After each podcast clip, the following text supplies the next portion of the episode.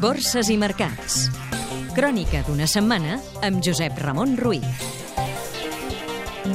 Suaus pèrdues per segona setmana consecutiva.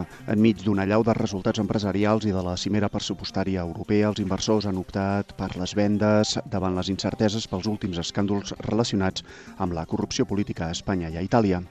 Alemanya imposarà penes de presó als banquers imprudents i els Estats Units han presentat una demanda milionària contra l'agència Standard Poor's per inflar les qualificacions de les hipoteques escombraries.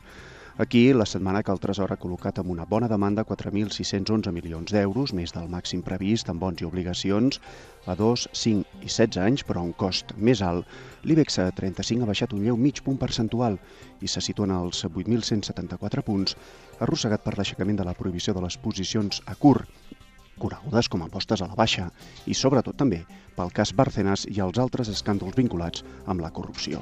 Una tèrbola situació política que ha penalitzat el deute. La prima de risc va viure en un dilluns negre la seva pitjor jornada en quatre mesos.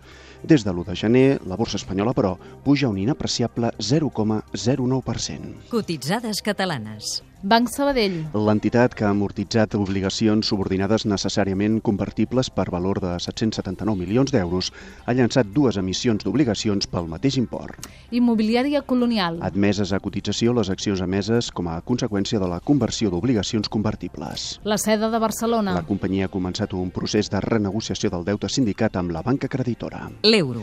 La moneda única s'ha d'apreciar davant de la divisa nord-americana arrossegada per la tensió política a Espanya i a Itàlia i també després que el president del Banc Central Europeu, Mario Draghi, ha dit que vigilarà de prop l'evolució del mercat de divises.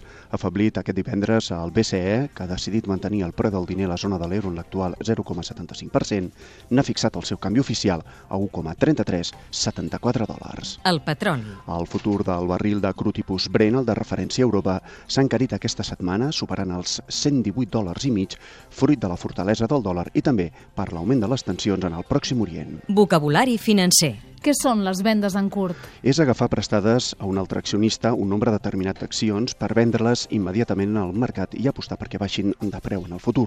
Quan això passa, l'inversor torna a comprar els mateixos títols, però més barats. Torna les accions al propietari, que guanya una comissió, i l'inversor s'embutxaca la diferència.